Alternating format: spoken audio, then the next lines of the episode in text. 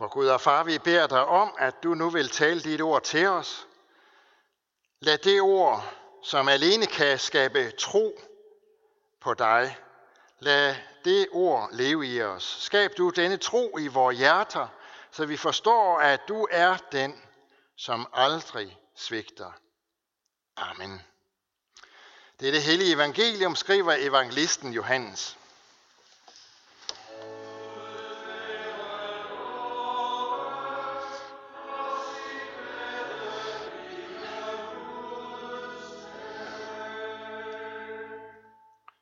Jesus kom nu atter til Kana i Galilea, hvor han havde gjort vand til vin.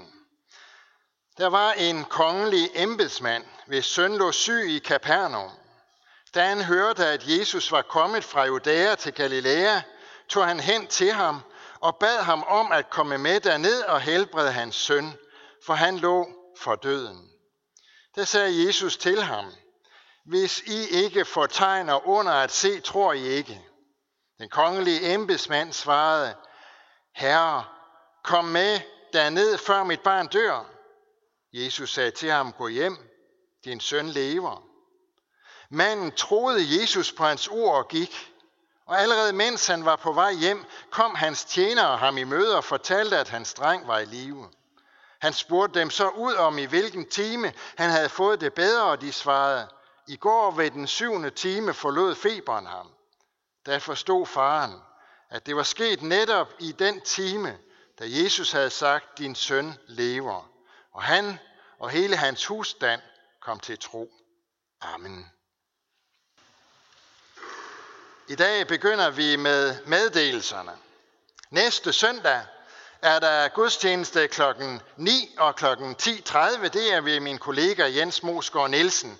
Og efter gudstjenesten kl. 10.30, der er der afskedsreception for vores kirketjener, Karsten Færk, fordi han går på pension, og så er der blevet ansat en ny kirketjener. Hun hedder Helene Devantier. Tror I på det, jeg siger? Det kan I roligt gøre, fordi det skulle være ganske vist det hele. Og I kan selvfølgelig også bare, øh, når I går ud fra gudstjenesten, så kan I tage et kirkeblad, og så kan I kigge efter, om det er det samme, der står her i kirkebladet. Øh, men uanset om I tror på det, jeg siger nu, eller om I tager et kirkeblad, så er I nødt til at, at tro på det. I kan, ikke, øh, I kan ikke vide det med sikkerhed. Faktisk så er der kun én måde, I kan finde ud af, om det er rigtigt, det jeg siger her.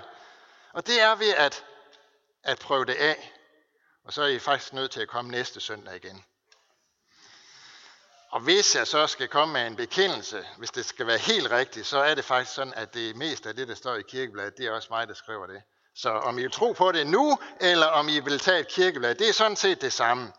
Men I er nødt til at have tillid til de ord, som jeg siger eller skriver.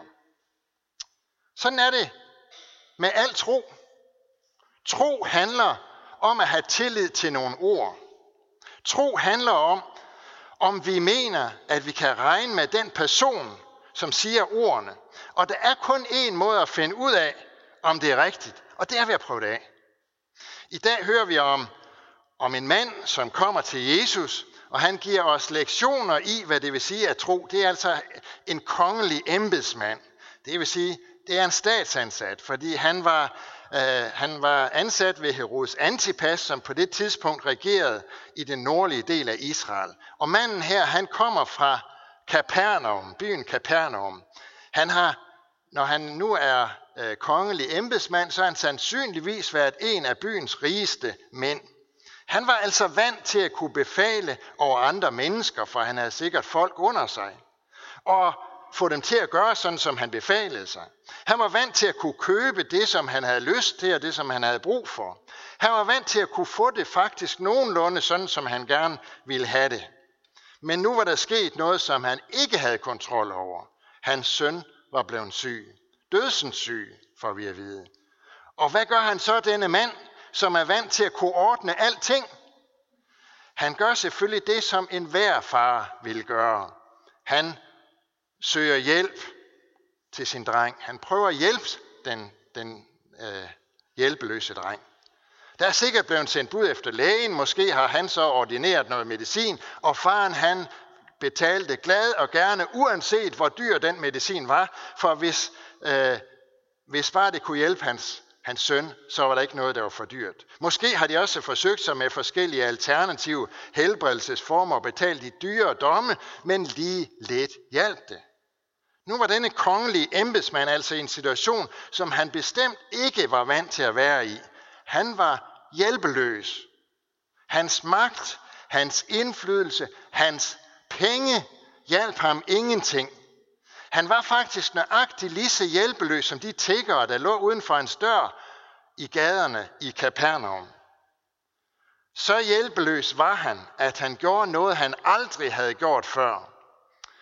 I Kapernaums gadebillede, der havde der nemlig i den senere tid været en del ståhej og en del diskussion om en tømmersvend, som var kommet op fra Nazareth. Og folk sagde jo, at han gjorde under, og at han helbredte de syge. Den kongelige embedsmand, han havde sikkert ikke været med i skarne, som flokkedes om ham. For det passede sig ikke rigtigt for en mand af hans stand. Han var jo en fin mand i byen der. Dem, som samlede sig om tømmersvend, det var mest de fattige, det var dem, som var syge, det var de, de hjælpeløse. Han havde ikke bare haft behov for det, den kongelige embedsmand, for han kunne jo klare sig selv. Han var vant til at få det, sådan som han gerne ville have det. Tømmersvenden, han havde sådan set ikke været specielt interesseret, interessant for ham. Men nu var situationen så ligesom vendt om. Nu var det anderledes. Nu var det ham, som pludselig var hjælpeløs. Og derfor begiver han sig ud på en dagsrejse, for han havde hørt, at tømmersvenden, Jesus, nu befandt sig i Kana. Og der er en 30 kilometer fra Kapernaum til, til Kana. Og det er sådan cirka, hvad det tager øh, en dag at rejse. For der var ingen busser, der var ingen tog. Han måtte gå på sin flade kommunlutter. Hvad er det, kan vi så spørge, hvad er det, der får en far til at forlade sin dødssyge dreng, og så gå en hel dag, gå 30 km væk. 30 km, det er altså langt, når man skal gå. Jeg vil overveje situationen, det kan jeg da godt sige. Jeg vil overveje situationen meget nøje, hvis jeg havde en dødssyg dreng til at ligge. Så ville jeg overveje situationen meget nøje, selvom jeg havde en bil. Så ville jeg overveje, om jeg skulle virkelig køre 30 km væk. Hvad er det, der får en far til at gøre det? Det kan næsten kun være én ting, nemlig en tro på og et håb om, at Jesus kan gøre en forskel. For det er jo ikke noget, han gør bare for sjov. Det er ikke fordi, nu har han fået lyst til at høre ham her, prædikanten op fra Nazareth. Han har hørt om Jesus. Der var nogen, der havde sagt nogle ord om ham, og nu går manden så, den her kongelige embedsmand, nu går han i tro på de ord, som han har hørt. Og allerede her viser han os så noget væsentligt om, hvad tro er. Tro er nemlig noget levende. Tro er noget, som sætter os i bevægelse. Tro, det er ikke bare noget teoretisk. Det er ikke bare nogle læresætninger, som vi holder for sandt. Det er ikke bare noget, som vi læser i en bog. Tro er noget, der sætter os i gang. Sådan, sådan oplevede Jesu disciple det også. Når Jesus kom til dem og sagde, følg mig, så krævede det tro. Så krævede det tillid til ham. Ikke en tillid, som fik dem til at gå hjem og, sag, og, og, og, og sag, sige, jamen ja, vi overvejer lige situationen et par dage her, og så ser vi, hvad vi kommer frem til. Nej, en tro, som fik dem til at følge ham. Og sådan er det også i dag. Den tro på Jesus, som vi taler om her i kirken og andre steder, det er ikke sådan en religiøs søndagsoplevelse, men det er en, der udfordrer os til at tro på Jesus. Det er en, der udfordrer os til bøn, til lydighed. Den kongelige embedsmand, han troede altså, hvad han havde hørt, og troen satte ham i bevægelse. Så kommer han til Jesus.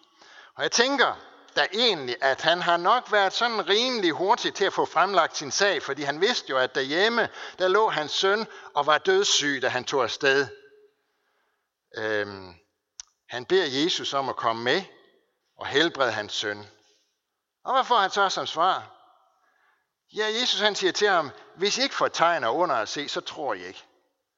Det var ikke lige det svar, som, som, som jeg ville forvente. Det var måske heller ikke det, han havde forventet. Fordi det virker som et afvisende svar. Men det, som Jesus gør, det er i virkeligheden, at han afslører to ting om mandens tro. For det første, at det er en tro på Jesus som en mirakelmager og en helbreder. Det vil sige, det er faktisk kun en begrænset tro, det han har. Fordi hvis han ikke bliver klar over, at Jesu hjælp den går dybere end bare det at være en reserve, når der ikke er noget andet, der dur, og når han ikke kan købe det, som han vil have for penge. Hvis han ikke bliver klar over det, så finder han aldrig ud af, hvem Jesus er. Det er det første. Og det andet, som Jesus afslører om hans tro, det er, at manden har et fastlåst billede af, hvordan Jesus skal hjælpe. Jesus han skal med, og så skal han måske øh, lægge hånden på den syge dreng, eller hvad han nu har forestillet sig, og så ville der ske noget. Og på det punkt repræsenterer den kongelige embedsmand noget øh, typisk for mange på Jesu tid, men jo også i dag. Jesus skal bruges til det, som vi ikke selv kan klare. Og han skal gøre det på den måde, som vi tænker og forestiller os. Nu kommer så den afgørende udfordring, for Jesus han siger jo noget mere til den kongelige embedsmand. Han siger, gå hjem, din søn lever. Så står han altså øh, ved et afgørende vadested i sit liv, den her embedsmand. Han har, vi kan sige sådan, han har faktisk to muligheder. Han kan gøre ligesom Naaman, som vi hørte om op fra alderet for lidt siden. Da Naaman var rejst de her hundredvis af kilometer for at komme til profeten i Israel, og så fik jeg at vide, at han kunne bare lige gå ned i Jordanfloden og bade sig dernede. Så blev Naaman rasende. Og han rejste i første omgang væk i vrede, sådan noget pjat, tænkte han. Skulle det være noget? Kunne jeg ikke have gjort det derhjemme? Sådan kunne den her øh, kongelige embedsmand jo også godt have gjort. Han havde forladt en dødssyg dreng, og det er altså ikke noget, man bare gør. Han havde forladt sin dødssyge dreng. Han havde gået 30 kilometer i sine bare sandaler. Hans fødder var hævet. Han var svedig, han var træt, han var udmattet efter vandringen. Og så siger Jesus bare til ham, gå hjem, din søn lever. Skulle det være noget? Han kunne godt være blevet gal. Men han har også en anden mulighed. Han kan tage Jesus på ordet og så gå. Han vælger det sidste. Og dermed viser han os altså, hvad det er at tro. Det er at vandre i tillid til det ord, han har hørt. Det er at vandre i tillid til den person, som har sagt ordene. Det er uden tvivl været en lang tur hjem, hvor tro og tvivl ligesom har kæmpet i ham hele vejen, hele tiden. Tro og tvivl, den her kamp. Det kunne have været, det kunne have været rart med en mobiltelefon, så han lige kunne have fået en sms derhjemmefra om, hvordan situationen den var. Men det havde han ikke. Han måtte vandre den lange vej i tro på, at det, der var blevet sagt til ham, det var rigtigt, var småt, var ubetydeligt, det end lød. Det eneste, han havde fået af Jesus, det var nogle ord, og så måtte han simpelthen gå i tro på de ord.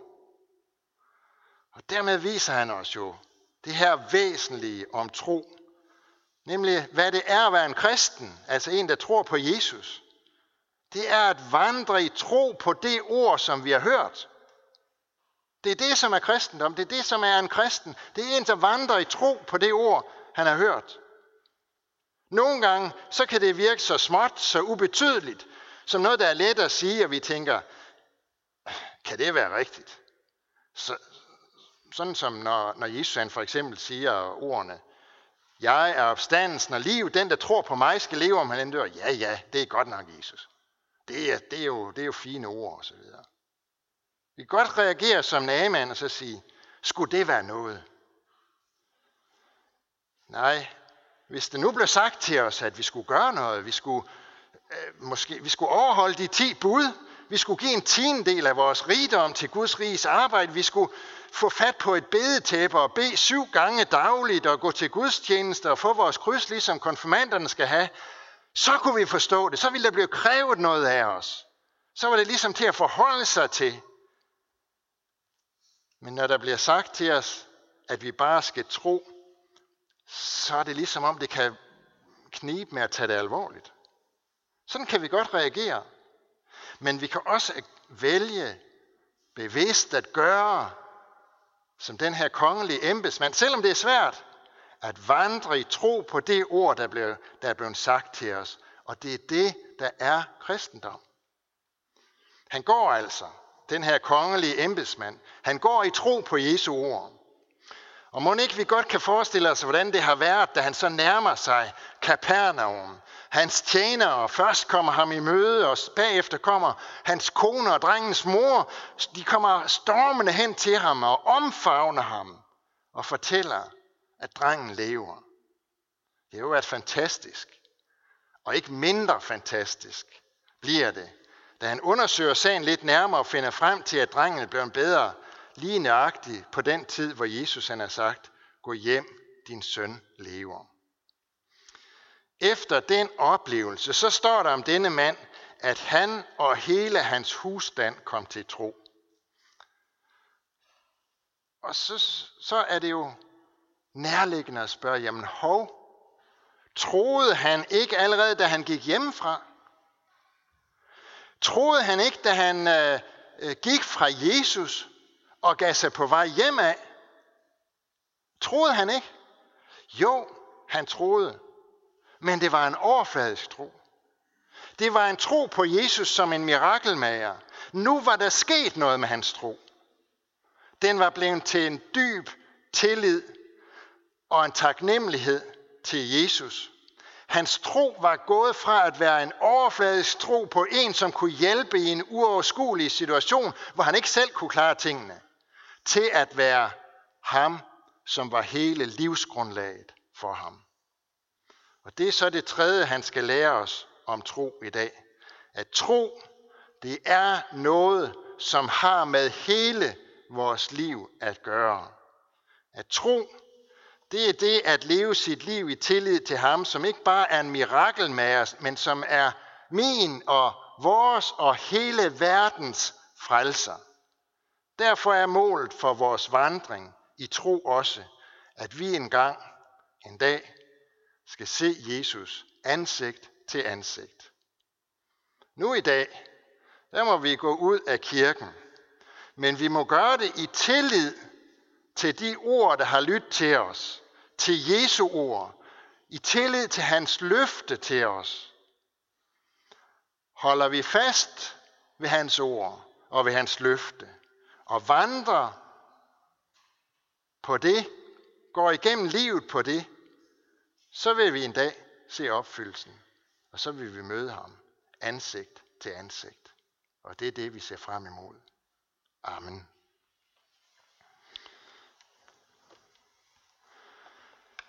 Vi lover og priser og takker dig, hvor Gud, Far, Søn og Helligånd, du som var, er og bliver en sand i Gud, højlovet fra første begyndelse nu og i al evighed. Vi takker dig for dit ord til os, for din kirke på jorden. Vi beder for din menighed her ved Herning Kirke. Lad ordet bære frugt. Bevar os i troen på dig og forny os i håb om dit komme. Giv du os tillid til det ord, du har talt til os, og lad os vandre i tro.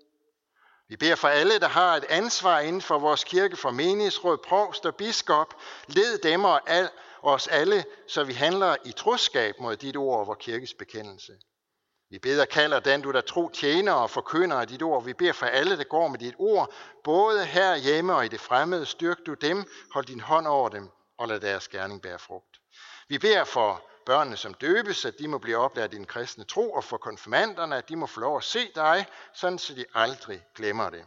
Kald vores børn og vores unge ind på troens vej, og beskærm dem mod alle ødelæggende kræfter. Vi beder for alt sandt folkeligt og kirkeligt arbejde. Vi beder for det kirkelige børnearbejde. Udrust du lederne og velsign du det. Vi beder for vores hjem, vores kære. Velsign både ægte folk og enige til at leve efter din vilje og gode ordning.